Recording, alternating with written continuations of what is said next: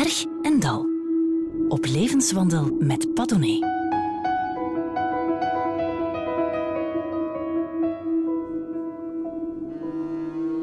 Bergendal is wel eens met een exotische volière vergeleken. Hier passeert zowel een lyrische tropenprof als een geharde strafpleitster. Gepassioneerd zijn ze, dat wel, door hun vak en de wereld. Zeldzaam zijn de exemplaren die een meerstemmige volière op zich zijn. Katrien Kolenberg laveert tussen wetenschap en kunst. Tussen haar bestaan als sterrenkundige aan de KU Leuven, Antwerpen en Harvard en haar leven als artiestenmuzikante. Pendelend tussen Leuven en Afrika. Dag Katrien Kolenberg. Zit je op een berg of zit je in een dal? Op een berg. Oeh, waarom? Hmm. Goeie vraag. Ik zit in elk geval niet in een dal. Oh, ja, dat is al, dat is al iets genuanceerder. Hè? Ja, maar daarom zit je nog niet op een berg, hè? Nee, nee, ik denk dat ik aan het klimmen ben. Oh ja. Ja. Uit het dal? Dan kom je altijd uit iets dat meer dal is dan waar je naartoe gaat, natuurlijk. Ja, dat lijkt me logisch. Ehm, je bent, ehm, ik zeg, je laveert tussen de wetenschap en de kunst. Mhm. Dat mag ik echt zo zeggen. Je staat bekend als een uh, astrofysicus, uh, zelfs uh, aan Harvard en Antwerpen. Maar dat is maar een deel van wat je doet en wie je bent. Ja, ik denk dat voor iedereen um, wat ze uitoefenen als beroep een deel is van wat ze zijn. Um, maar ja, voor mij hebben wetenschap en kunst altijd samen deel uitgemaakt van, van mijn leven, van, vanaf vrij jonge leeftijd. Wat is vrij jong? Mm, ja, ik was als, ja, als kleuter was ik al heel intens bezig met tekenen en, en, en met mijn handen bezig zijn. Okay. Maar dan vanaf, uh, ja, vanaf mijn vroege tienerjaren werd ik ook heel erg gefascineerd door de nachthemel en door wetenschap in het algemeen. De nachthemel? Ja, de sterren. Moeten we ons dat echt zo voorstellen dat jij s'nachts naar de sterren zat te kijken? Ja, ja absoluut. Ja, ja. Hoe dan? Met een, um, met een uh, telescoop of... In het begin niet, want ik vind dat je met, met het blote oog zie je eigenlijk al, al heel veel. En voor heel veel mensen is het soms zelfs een beetje ontgoochelend om voor het eerst door een telescoop te kijken.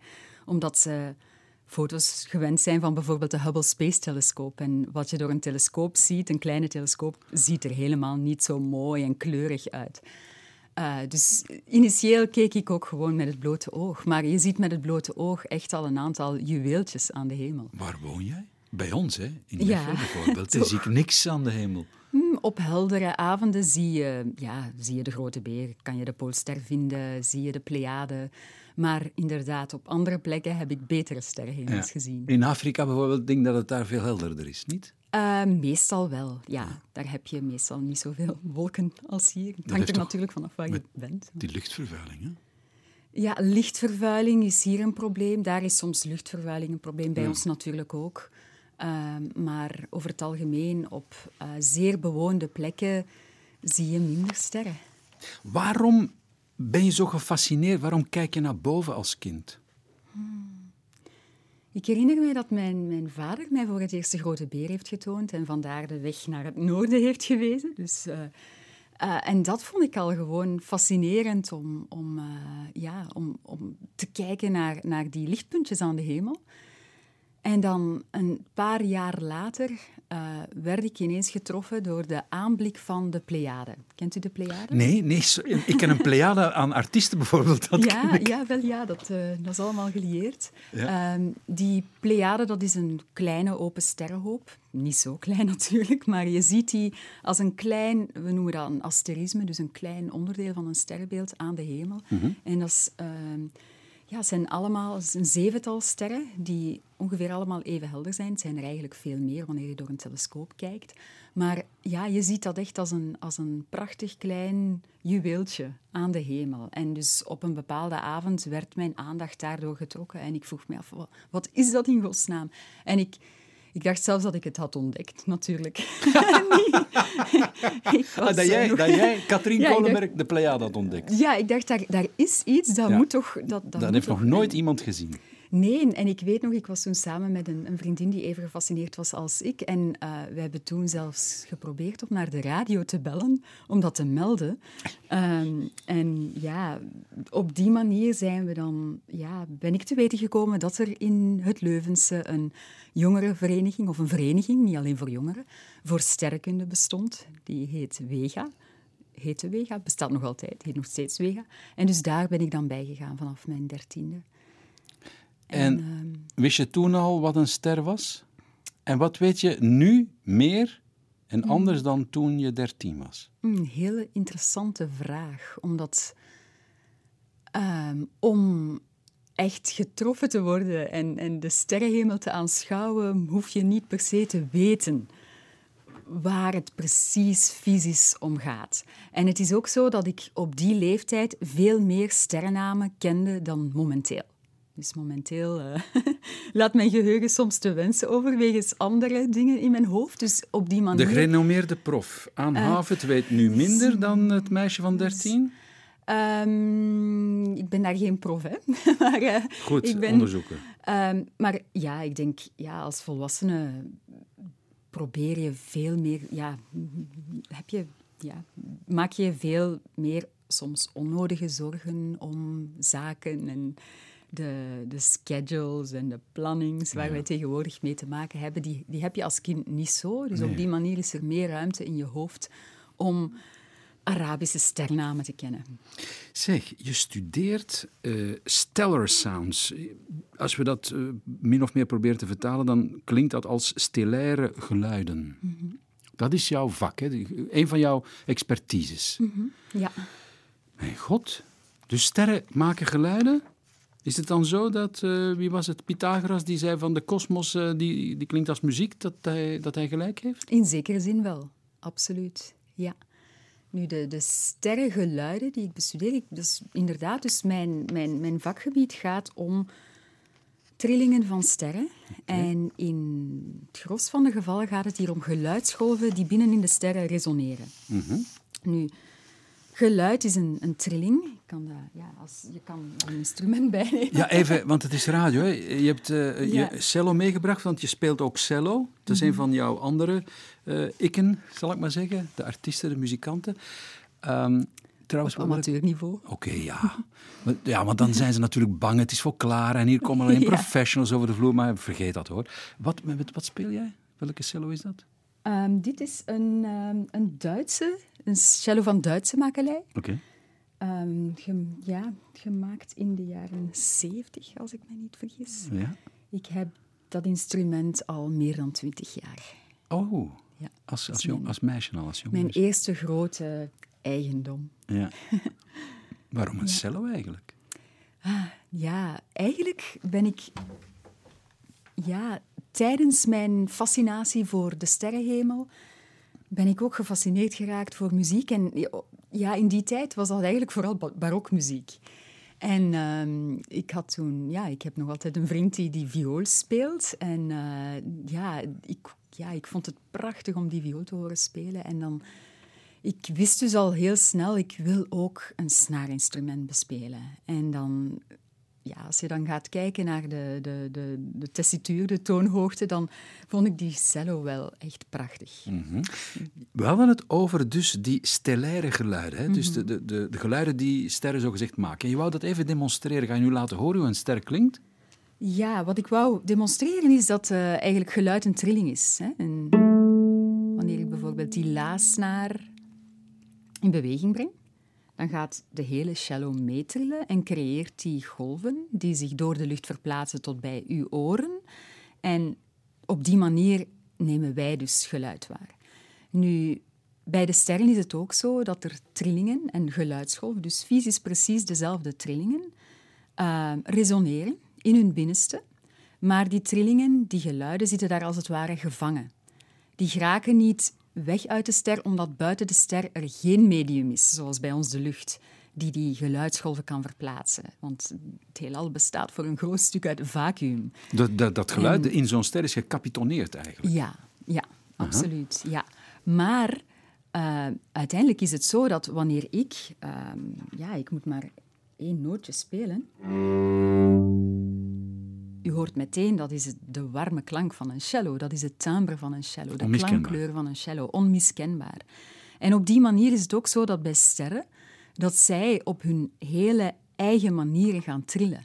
En dat je uit die trillingen, net zoals die trillingen die de klank vormen van de cello, heel veel kan afleiden over de eigenschappen van die ster. En dus dat proberen wij te doen. Maar Pythagoras, hè, die zei, en die beweerde bij hoog en bij laag, en dat je het ook echt hoorde, de kosmos maakt muziek. Eh, Hij zei dan de perfecte verhouding van muzikale intervallen structureerde, volgens hem, het hemeldak. Je kunt daar wel iets bij voorstellen. En in hun omwentelingen brachten ja, de planeten heerlijke muziek voort. Is dat zo? Of was hij gewoon gek, die Pythagoras? Die was helemaal niet gek, want hij heeft de stelling van Pythagoras Wel, bedacht ja. en die gebruiken wij nog eh, Voilà. continu. Ehm, maar nee, eh, en als je dan kijkt later in de geschiedenis, ook bijvoorbeeld Johannes Kepler, Ja. die eh, in de 17e eeuw zijn Harmonie der Werelden publiceerde en die ons uiteindelijk de fameuze wetten van Kepler heeft achtergelaten, die ik vrijwel dagelijks gebruik om meer te weten te komen over de eigenschappen van de sterren die ik bestudeer, dan zie je dat daar, ja, dat daar wel iets van aan is. Vooral ook omdat die, die persoon, die, die Kepler, die was eigenlijk, eigenlijk was die krampachtig op zoek naar een harmonie.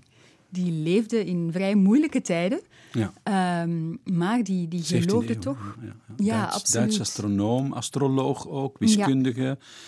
Ehm, Ja. Trouwens, ook iemand die science fiction schreef, eh, Ja. heb ik gelezen. Eh, Ja. En dus die, die man was bezeten bijna, zal ik zeggen, door de harmonie? Ja, die, was, die wilde eigenlijk in de, in de data die hij ter beschikking had, data waren opgemeten door Tycho Brahe, wilde hij echt ehm, aantonen dat er kosmische harmonie is. En dus hij had heel veel data van planeetposities en op basis daarvan heeft hij dan banen en baansnelheden afgeleid. En wat hij eigenlijk wou aantonen, en in zekere zin heeft aangetoond, is dat je met, met de baansnelheden van een planeet, dat je daarmee eh, dat je die kan linken met, met, met de, de theorie van de muziek ook. Want ja, in de theorie van de muziek heb je hele tonen, halve tonen. Ja.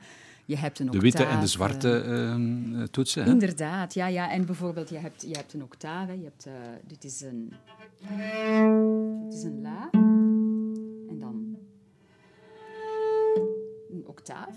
Dus wat ik doe op de cello is eh, de snaar halveren en je hoort de dubbele frequentie, je hoort het octaaf.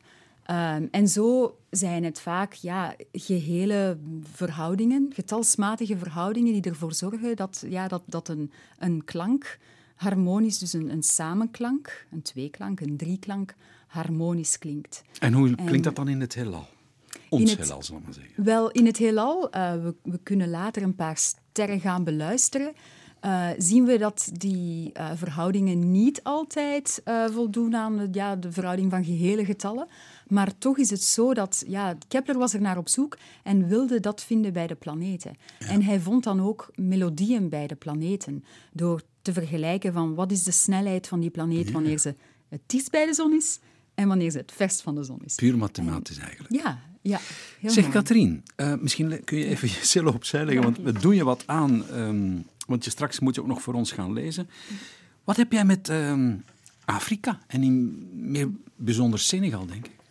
Ehm, ja, ik heb een, ja, ik, ik kan zeggen dat ik toch wel een, een, een, bijzondere band heb met Afrika. Ehm, ik heb, ja, ik heb het, het geluk gehad eh, dat ik al een paar plekken bezocht heb op aarde. En vooral, ja, er zijn plekken die, die echt hele diepe indrukken hebben nagelaten. En, en Afrika is daarbij. En bij eh, Afrika, en dan in het bijzonder West-Afrika, Senegal, het noorden van Senegal, vrij dicht tegen de woestijn. Daar ja, heb, ik, ja, heb ik bijvoorbeeld sterrenhemels gezien zoals ik ze nooit elders heb ervaren. Ondanks het feit dat ik intussen al eh, op de Very Large Telescope heb gemeten en op Oh ja. eh, verschillende observatoria ja, werkzaam ben geweest om mijn data te bekomen, vind ik toch dat, ja, dat wanneer je op, op zo'n plek in een klein dorpje eh, ja, in the middle of nowhere in Afrika, wanneer je daar naar de sterren kijkt en wanneer je die sterrenhemel ziet, maar tegelijkertijd ook de geluiden van het dagelijks leven daarbij waarneemt, dat, dat, geeft, ja, dat, dat heeft voor mij meer indruk. Welke geluiden zijn dat daar eh, in het noorden van Senegal, in de woestijn? In het regenseizoen zijn dat kikkers. Kikkers, ezels, uh, maar ook ja, geroezemoes van mensen, trommels. Uh, maar ja, natuur. Aha. Natuur, dieren, ja. um, Je hebt insecten. Een, een heel bijzondere tekst meegebracht. Uh, van een aantal, eh, trouwens ook boeken. Maar eerste komt van jezelf, Galileo in Senegal. Je hebt hem uh, oorspronkelijk, geloof ik, in het uh, Engels geschreven. Je moest hem dan, je eigen tekst eens voor ons nog eens gaan ver, vertalen. Maar eigenlijk spreekt hij voor zich. Jouw liefde ja, glinstert uh, van, van de pagina's en ik hoop hier ook in de microfoon.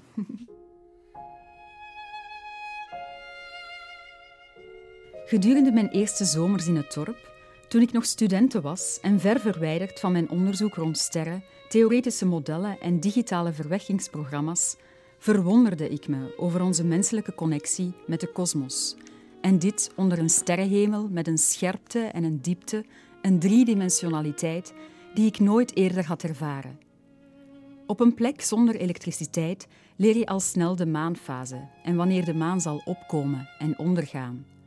Op maanverlichte nachten gaan de dorpsbewoners op stap om vrienden te bezoeken, verhalen te vertellen, samen te zingen en te dansen of worstelwedstrijden te houden. Maar op maanloze nachten blijf je misschien beter thuis, want je moet het kwaad niet opzoeken.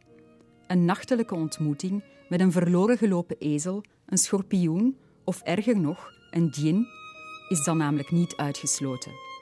De duisternis is een minder opportun moment voor mensen om rond te wandelen. Ik herinner me ook levendig de lange en soms verhitte discussies met Mamadou, die als een broer is voor mij en een van mijn beste vrienden uit het dorp. Hij daagde me uit met vragen zoals: Wat is het nut van de sterrenkunde op een planeet waarvan we niet eens alle bewoners kunnen voeden? Waarom zou je een ster bestuderen die we nooit zullen kunnen bezoeken? Allemaal goede vragen. Zelfs mijn beste argumenten stoten op twijfel. In sommige contexten kom je met een antwoord zoals het willen snappen van de wereld en de kosmos niet erg ver.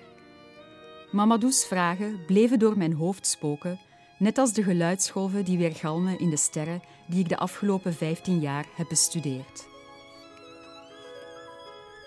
Mamadou vraagt me soms nog steeds grappend of ik iets dichter gekomen ben bij de sterren die ik bestudeer. Het antwoord is ja. Zoals het gedicht van mijn goede vriend de zwervende dichter Tierno Seydou Sall, Le Chant des Étoiles, het zo mooi uitdrukt. Choreografen geworden, orchestreren de sterren in hun witte gewaden van dromen gesponnen, pijn en vreugde, pulsaties van liefde in de schoot van het leven.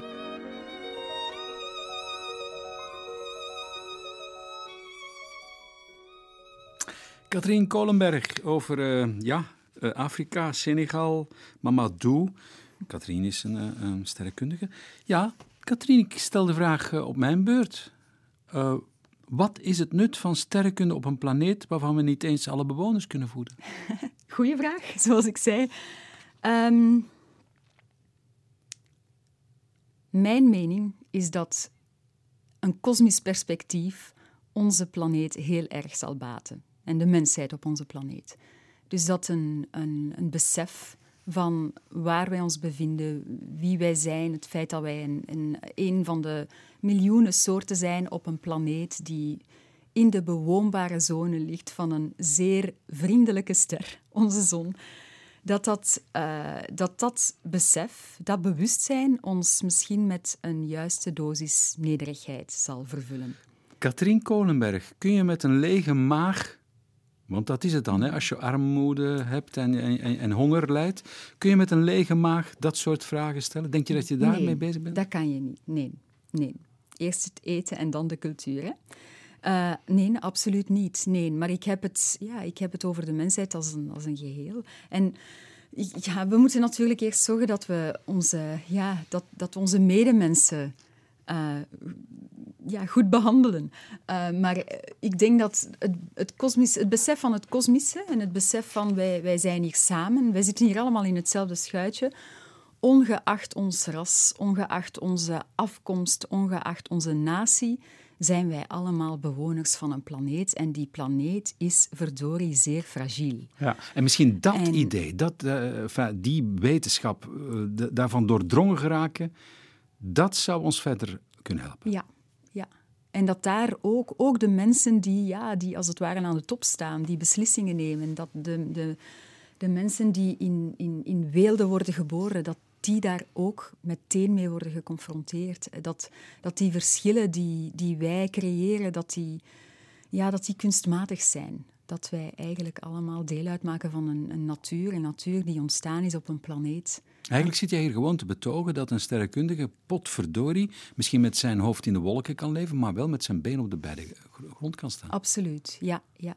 Want ja, zoals ik net ook las, die vragen van waarom doet je dat in godsnaam, die, die mij al van in het begin hebben begeleid, die zijn altijd blijven spelen. En die, die wat bedoel je? Die vragen die... Die vragen die, die Mamadou mij stelde en die ik vaak nog voorgeschoteld krijg. Dat zal wel. Ja. Ik, ik, het lijkt me bijna een, een hooghuizen gemeenplaats om aan een sterrenkundige te vragen, zoals Mamadou dat hier doet, uh, waarom zou je een ster bestuderen die we nooit zullen kunnen bezoeken? Ja, ja.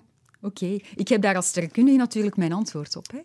Want uh, wat, wat wij doen als sterrenkundigen is ook een soort uh, sociologie van, van sterpopulaties. Dus wij kunnen onze eigen ster, onze eigen zon, alleen maar heel goed begrijpen, omdat we sterren in allerlei verschillende levensfasen zien. Ja, ja. Hetzelfde met een mens. Je kan een, een, een jongere in de puberteit alleen maar begrijpen als je weet dat dat een fase is in het leven. Het is toch ook onbevattelijk, maar daar moeten we het straks nog over hebben. Maar we spreken nu over dat ene heelalletje. Er zouden veel, veel, veel meer uh, heelallen zijn. om te beginnen sterrenstelsels, melkwegstelsels, miljarden. Zo is het, hè? Ja, miljarden. miljarden. En daar, waar, waar, hebben we het dan eigenlijk over als we het over de aarde hebben? Hè? Mm -hmm. Hoe nietig, hoe ja. futiel. Maar we zijn er, hè? We zijn er, Katrien. En we maken radio. Ja, en muziek ook. We gaan naar muziek luisteren um, die jij uh, mee hebt gebracht uh, van Toumani Diabaté. Komt uit een album dat heet In the Heart of the Moon. Die Diabaté die speelt de kora. Ja. Wat is dat? De kora is een instrument dat, ja, dat bestaat eigenlijk uit een, een halve kalabas waarover men een, een koeienvel spant. Dus dat is dan de, de, de resonantiekast. Kalabas, dat is zo een, een, dat, een, dat is zo'n gigantische pompoen, zo'n Precies, ja, ja. Afrikaanse pompoen. Um, dus ja, daar blijft een soort houtachtige structuur van over. Daar spannen ze een vel over en daar steken ze dan een stok door. En aan die stok bevestigen ze 21 snaren. Uh, dat is veel. Ja, ja, en dus voor mij is dat eigenlijk een van mijn aller favoriete instrumenten. En Mamadou Boutiquier, zo heet het nummer. Ja. ja. waarom dat nummer? Ja, ik vind die hele cd prachtig, ja. maar ik, dat nummer heeft zoiets heel soothing, iets heel, uh, ja, iets heel kalmerends en iets heel, uh, ja, een, een, soort trage gang die, die, die voor mij gewoon heel aangenaam is. Heel Afrikaans misschien wel. Ook.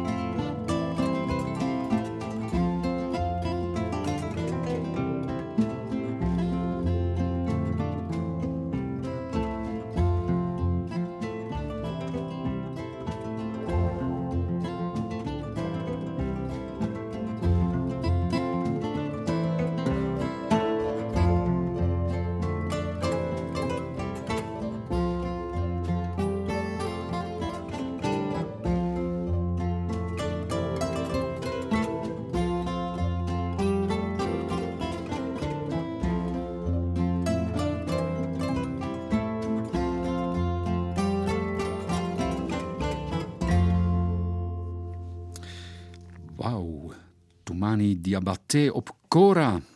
Helemaal voor jou natuurlijk, die luistert thuis. Maar ook voor Katrien Kolenberg, want zij heeft het gekozen. Zij is een uh, astrofysica en ook wel een artieste, min of meer. Heeft daar cello meegebracht. Onvoorstelbaar wat we hier nog allemaal over de vloer gaan krijgen. Um, ja, die Cora die klinkt toch wel uh, bijzonder. Ja. 21 ja. snaren, Katrien. Ja. Wauw. Ja, prachtig. Katrien, 1 augustus 2008 ben jij in Mongolië. En niet toevallig, want daar is daar iets bijzonders aan de hand. Iets zeer bijzonders. Een totale zonsverduistering. En wel een totale zonsverduistering die zes minuten zal duren. En dat in het westen van Mongolië, in de Gobi-Altai-woestijn. En uh, ik ben daar met een aantal collega's, een aantal vrienden, uh, collega-astronomen. En de bedoeling is om die, ja, dat spektakel te gaan kijken. Um, en dat is een fantastische ervaring, want je ziet... Ja, je ziet Niets of wat? Je ziet even weinig, maar ja, wanneer de zon verduisterd is, zie je een zwart gat in de hemel. Is dat heel een groot aandeel van de lokale bevolking natuurlijk nog nooit heeft gezien. Um, en dat hen heel veel angst inboezemt. Dat, merk, je, dat merk je ook. Mensen worden dan angstig of wat? Um, ja, nu op, op het moment van de verduistering zelf ben, sta ik bij de telescoop. Sta ik bij de telescoop, ben ik metingen aan het doen en probeer ik ook te genieten van het spektakel.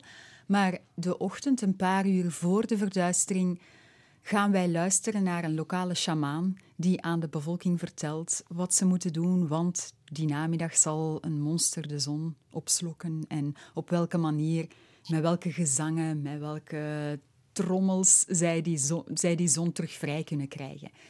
Dus, uh, Oké, dus er is een shaman die tegen een wetenschapster, een van de meest toonaangevende, zal ik maar zeggen, in haar uh, gebied in de wereld, zegt van die zonsverduistering, dat is eigenlijk gewoon een monstertje dat die zon opeet. Heb je dan niet de neiging om te zeggen, man, wat zwets je?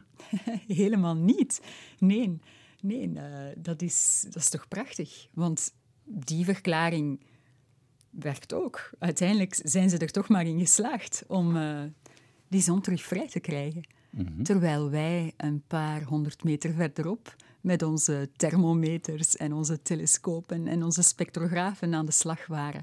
En het zijn twee manieren om naar die hemel te kijken, maar... Uh, Allebei evenwaardig?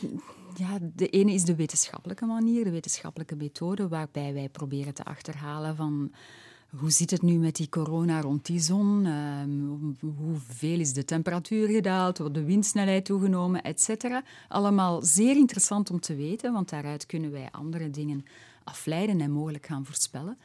Maar anderzijds, die, die, ja, die, die culturele rijke verklaring voor hemelfenomenen, uh, die eigen is aan een cultuur en die ja, die vind ik prachtig. Maar word jij dan niet heen en weer gelaveerd tussen de wetenschap, dus de telescoop daar in Mongolië, mhm. en metingen doen, en aan de andere kant ook wel die hele narratieve, zeer aantrekkelijke, bijna, ik zal zeggen, metafoor, allegorie het, waar, waar, je voor, denk ik, allebei wel heel erg... Uh, ja. gevoelig voor bent. Absoluut, ja. En ik vind het als, als, dan, als wetenschapster vind ik het dan interessant om te zien hoe bepaalde beschrijvingen erin slagen om, om toch vrij accuraat uh, iets te gaan weergeven. Um, en op een heel inventieve manier en een heel uh, plastische manier. Dus op die manier vind ik, ik vind het heel interessant. Ja. Plus, Heet dat nu culturele astronomie? Um, ik denk het, zo noem ik het. Culturele astronomie. Want je hebt een project en dat heet De Drie Sterren. Mm -hmm. Ja, Les Trois Étoiles. Oh, voilà, dat klinkt nog chiquer. Les trois étoiles. En die drie sterren staan dan voor de mens, de hemel en de wetenschap. Ja, inderdaad. Wat, wat beoog je met zo'n project? Um, het project is heel organisch gegroeid. Eigenlijk um, een soort ja, voortvloeisel uit ja, mijn, mijn eerste bezoeken aan een dorp in het noorden van Senegal, Boomba, waar ik dus die sterrenhemels zag die mij absoluut onverbliezen. En waar ik dan um, ehm, 15 jaar nadien terugkeer met een, een heleboel kleine telescoopjes die we uitdelen aan lokale leerkrachten van lokale kleine schooltjes. Uh, maar meer als, als een manier, die telescopen, om in gesprek te raken met de lokale bevolking over hun ideeën over de nachthemel en hun verhalen die daar aan vasthangen. En een van die verhalen is dus dat voor hun de zogenaamde riem van Orion, het sterrenbeeld Orion, is een heel markant sterrenbeeld dat je in de, in de winter heel goed ziet van, van bij ons. Um, en die riem die bestaat uit drie sterren die ongeveer even helder staan en ongeveer equidistant zijn van elkaar, dus zeer markant. Voor hun heten die drie sterren Bauengal en stellen die voor een ezel, een dief die de ezel heeft gestolen en een, uh, de eigenaar van de ezel die erachter rent. En dus die, ja, die, die zitten elkaar achterna. achterna te lopen over de hemel de hele nacht, het hele jaar door, continu. Wow, en dus dat vertelt gewoon heel veel over de lokale, ja, de lokale cultuur, waar ezels belangrijk zijn, waar je niet wilt dat je ezel gestolen wordt. En dus op die manier uh, leer je eigenlijk uit de manier waarop mensen een invulling geven aan patronen aan de hemel veel over lokale cultuur. Ook bijvoorbeeld bepaalde sterrenbeelden komen op wanneer de regen binnenkort zal vallen. En dus op die manier uh, ja, werd het voor mij heel duidelijk dat, ja, dat, dat het, het praten over die invulling en dan niet alleen de wetenschappelijke invulling, die bracht ik er af en toe bij, want dat, dat vonden ze ook interessant. Ehm, dat dat mensen dichter bij elkaar brengt. Maar zeg jij dan zo'n uh, Senegalezen ook dat die ezel en de eigenaar van die ezel en de dief, dat dat eigenlijk Orion is? Ik zeg, bij ons is dat Orion. Bij ons is ah, dat, de riem van een, een krijger. Ja, ja. En dat vinden ze dan ook interessant. Ja. Een ander voorbeeld... Maar dat is toch wel een hele belangrijke nuance. Bij ons, zeg je? Ja, bij ons. Ja, in onze cultuur. En dan zeggen zij, ha, interessant. En een ander heel interessant voorbeeld zijn vallende sterren, die je heel vaak ziet. Uh, bij ons, uh, wij gaan typisch een wens doen wanneer je een vallende ster ziet, als sterrenkundigen. Of, ja, als, we weten ondertussen dat het gaat om brokstukjes die onze atmosfeer binnendringen, die, die opbranden en die zorgen voor een lichtend spoor. Maar bij hun is dat een teken van onheil. Dus uh, op die manier... Het omgekeerde Het omgekeerde, het omgekeerde, ja. Dus voor sommige mensen was het een verademing te horen te krijgen van het gaat hier eigenlijk gewoon om steentjes. Anderen vonden het, ja, vonden het wel interessant dat wij dan een wens doen, in plaats van bang te worden. Dus op, op die manier uh, kan je ja, kan je via die sterrenhemel, die wij allemaal zien, we kijken allemaal naar dezelfde sterrenhemel, we zien misschien licht andere sterrenbeelden, maar we kijken naar dezelfde hemel overal van op aarde. En, maar ja. Katrien, als jij dus die vallende sterren ziet, dan weet je als wetenschapster dat zijn brokstukken, punt niet meer of niet minder. Mm -hmm. Niks wensen doen, niks uh, duisternis. Onttover jij niet de wereld als wetenschapster? Ik doe ook een wens. Allee. Toch? Waarom niet? Omdat je er dan toch een beetje in gelooft, of wat? Mm, ik weet waar het om gaat, maar ik vind het... Ja, die, ik, hou van, ik hou van die cultuur, ik hou van die magie.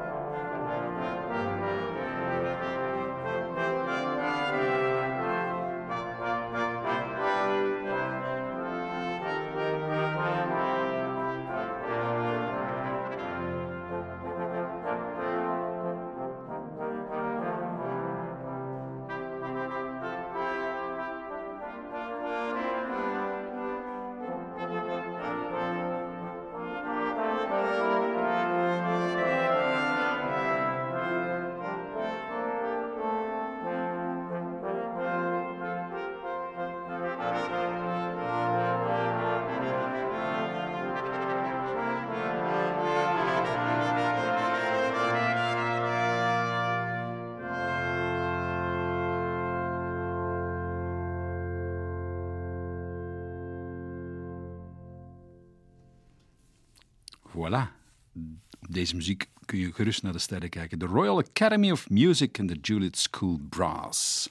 Berg en Dal met Padone. En wat Katrien Kolenberg zei, sterrenkundige, maar ook een beetje artieste. Um, Katrien, ja, er zijn nogal wat liedjes uh, over de liefde, dat weten we. Om een understatement te gebruiken, ongeveer uh, 90%. Maar er zijn ook heel veel songs over uh, de sterren. Mm -hmm. Soms in combinatie met de liefde natuurlijk. Hè? Juist, juist. Twinkle, twinkle, little star. how I, hoe is het weer? How I wonder, wonder what you what are. you are, ja, ja, dat soort. Of like a diamond in the sky. Trouwens, er zijn diamant, diamanten in de, in de hemel. Hè? Er bestaan diamantsterren. Dus die Like a Diamond in the Star is echt waar. Echte diamanten? Echte diamanten, ja. Je hebt uh, witte dwergen die bestaan ja, voor, voor een, ja, die, die gemaakt zijn van kristallijn koolstof. Dus dan heb je diamant. Witte dwergen, Katrien? Ja, ja, witte dwergen. En dan hebben we straks ook nog rode neuzen, zeker? Of rode reuzen? reuzen. Reuzen? Ja, ja. Zie je? we hebben een heel sprookjesachtig Ja, jij zit, taalgebruik jij de zit in een sprookje. Je zit in een sprookje. Over liedjes en zo en, en de sterren. Ehm, je hebt ons iets beloofd. Je gaat laten horen hoe sterren, want daar zijn we bij begonnen, herinner je? Zouden kunnen klinken. Ja. En hoe, hoe gaan we dat doen? Hoe gaan we dat doen? We gaan eigenlijk... ehm, ja, ik heb daar straks al verteld dat je die sterren niet rechtstreeks kan horen. Maar wat wij doen is eigenlijk, wij gaan de symptomen van die geluiden zien. We gaan dus via het licht, via de lichtveranderingen van de sterren, gaan wij iets te weten, te komen over, gaan wij iets te weten komen over de klanken Ja. in de sterren. En wat we nu gaan zo dadelijk horen, is, wat is dat? Is dat een, een, een fantasietje of is dat een eh, persoonlijke... Wat, wat is het? Dat is een, een compositie die ehm, als... eh, dat is een soort orkest, maar de instrumenten in het orkest zijn sterren.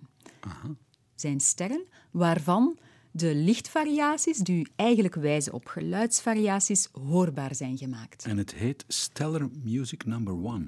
Ja, Hier zijn ze. ja het begint geleidelijk aan. Ja. Welke ster is dit?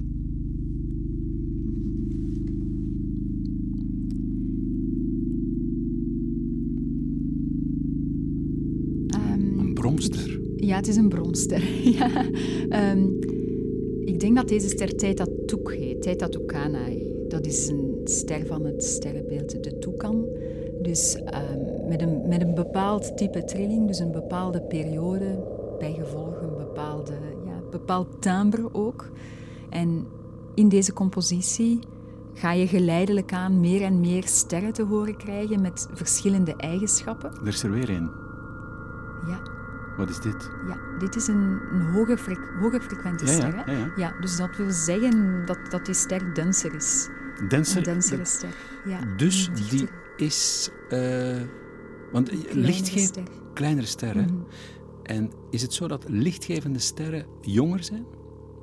Alle sterren stralen licht uit, maar sommige sterren stralen meer rood licht uit, andere meer blauw licht, wat samenhangt met hun temperatuur. Ehm, en dat hangt dan ook weer samen met hun, met hun massa vaak. Ja. Eh, dus eigenlijk op basis van, van die klanken kunnen wij heel veel te weten komen over ja, de, de, de structuur en de opbouw van die sterren. Voor mensen ons massaal gaan bestoken met vragen, waar, waar kunnen we dat opnemen? Dit is een compositie, hè? Ja, dit is een compositie gemaakt door ehm Hongaarse componist Jeno Koiler in samenwerking met een collega van mij, eh, Zoltan Kolat, die dus ook astroseismoloog is en die een aantal sterren heeft gesonifieerd, of dus de frequentiespectra van die sterren, dus de, de, de geluidsspectra, ter beschikking heeft gesteld voor, als instrumenten voor een compositie. En hoe doe je dat? eh, hoe, die collat, hoe, hoe gaat die dan te werk? Wel, eigenlijk wat, wat wij doen is wij meten, met onze telescopen meten wij helderheidsveranderingen van sterren. En die helderheidsveranderingen die zijn er omdat de sterren inkrimpen en uitzetten. En wanneer ze inkrimpen en uitzetten, ehm, Je gaat, veranderen ze ook. je Ja, gaat eigenlijk weer je, dat... je cellen erbij halen. Ja, dus inkrimpen. Uitzetten. de ster verandert van grootte eigenlijk. Ze krimpt in en ze zet uit. Ze verandert van temperatuur, daardoor verandert ze van helderheid. Dus wij krijgen eigenlijk helderheidsvariaties variaties aan dezelfde, met dezelfde perioden als de geluidsgolven in de ster. Dus wij kunnen van die helderheidsvariaties direct teruggaan naar die geluiden. En die geluiden die zijn heel infrasoon, want zo één trilling duurt bij een witte dwerg is dat een paar minuten, maar bij, bij mijn lievelingssterren duurt dat een halve dag. Bij Oh ja. andere sterren duurt dat tientallen jaren. Dus dat is heel infrasoon. Want bijvoorbeeld deze snaar, daar is de frequentie 220 keer per seconde.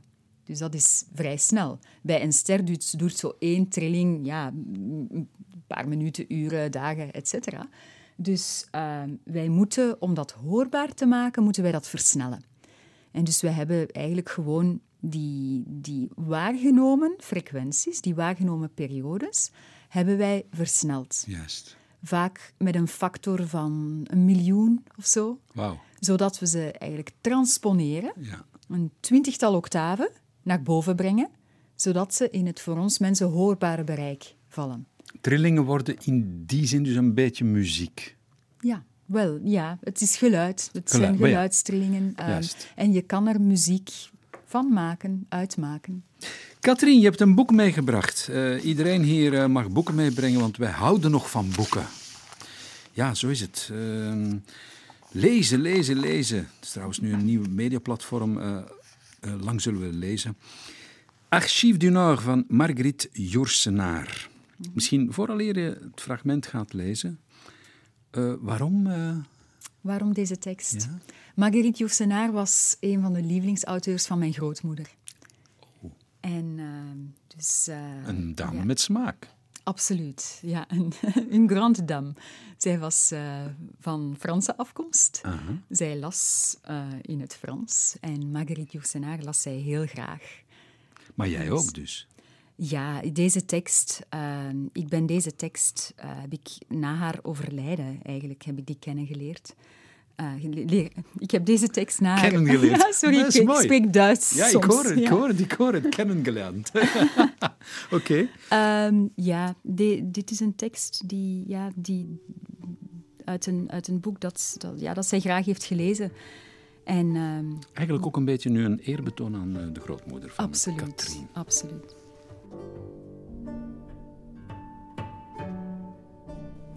Laat ons meedraaien met de aarde, die niet weet dat ze draait. Mooie planeet aan de hemel.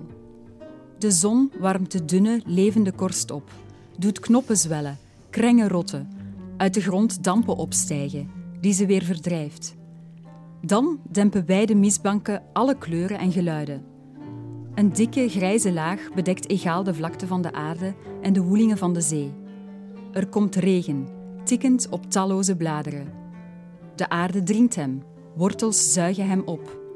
De wind buigt jonge bomen, breekt oude stammen, dringt rumoerig overal door.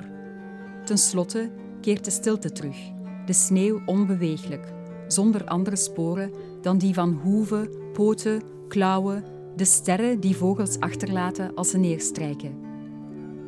Schijnt de maan, dan bewegen er lichtjes die geen dichter of schilder nodig hebben om ze te aanschouwen.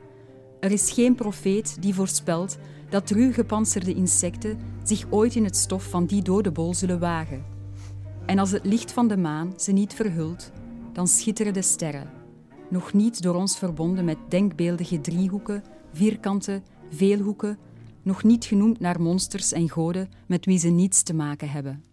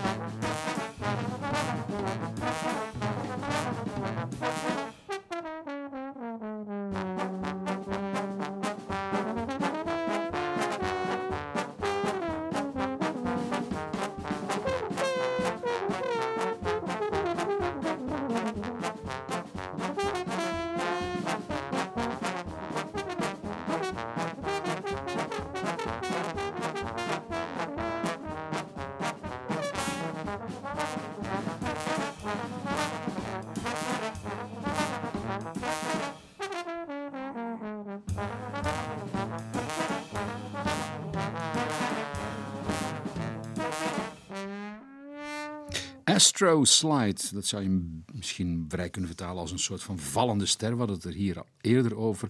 Het Russell Rudd Trombone Tribe. Uh, Katrien Kolenberg, ze zit nog heel even bij mij, de sterrenkundige. Wat is jouw credo? Um,